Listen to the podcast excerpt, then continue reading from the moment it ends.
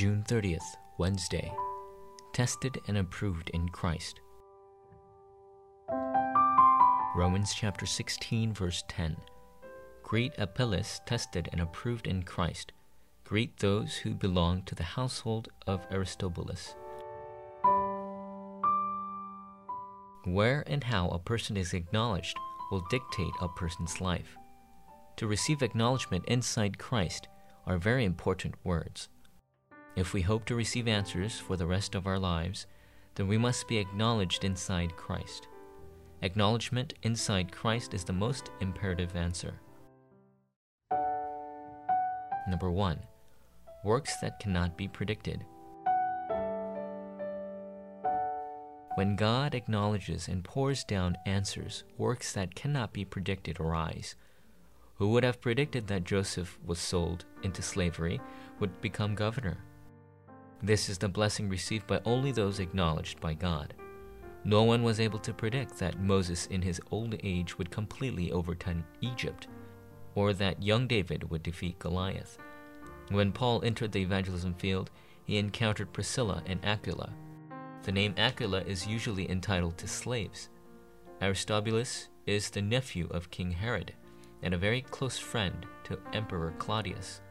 No one would have imagined that the gospel would enter Rome and have an incredible influence upon it. Number two, one who is acknowledged by God. To be acknowledged is a question of whether we are evangelists or not, and if our church is one that will deliver the gospel or not. God knows all too well.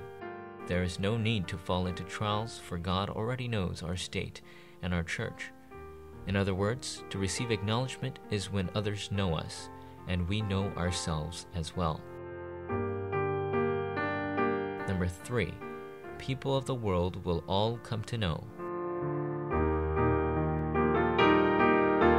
People of the world will come to know those who are approved by God.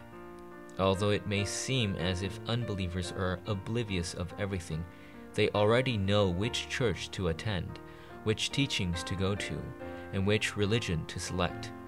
Desperate souls are waiting inside the field. When we uncover those individuals and share answers with them, God's work will arise. When you evangelize earnestly before God, even unbelievers will recognize it and be restored. If you deliver the answer to those hindered by spiritual problems, not only those close to you, but the people of the world will know. Forum topic Rather than building up my skill, it is imperative to receive acknowledgement from God concerning my faith and vision. What is my faith and vision that will be approved by God?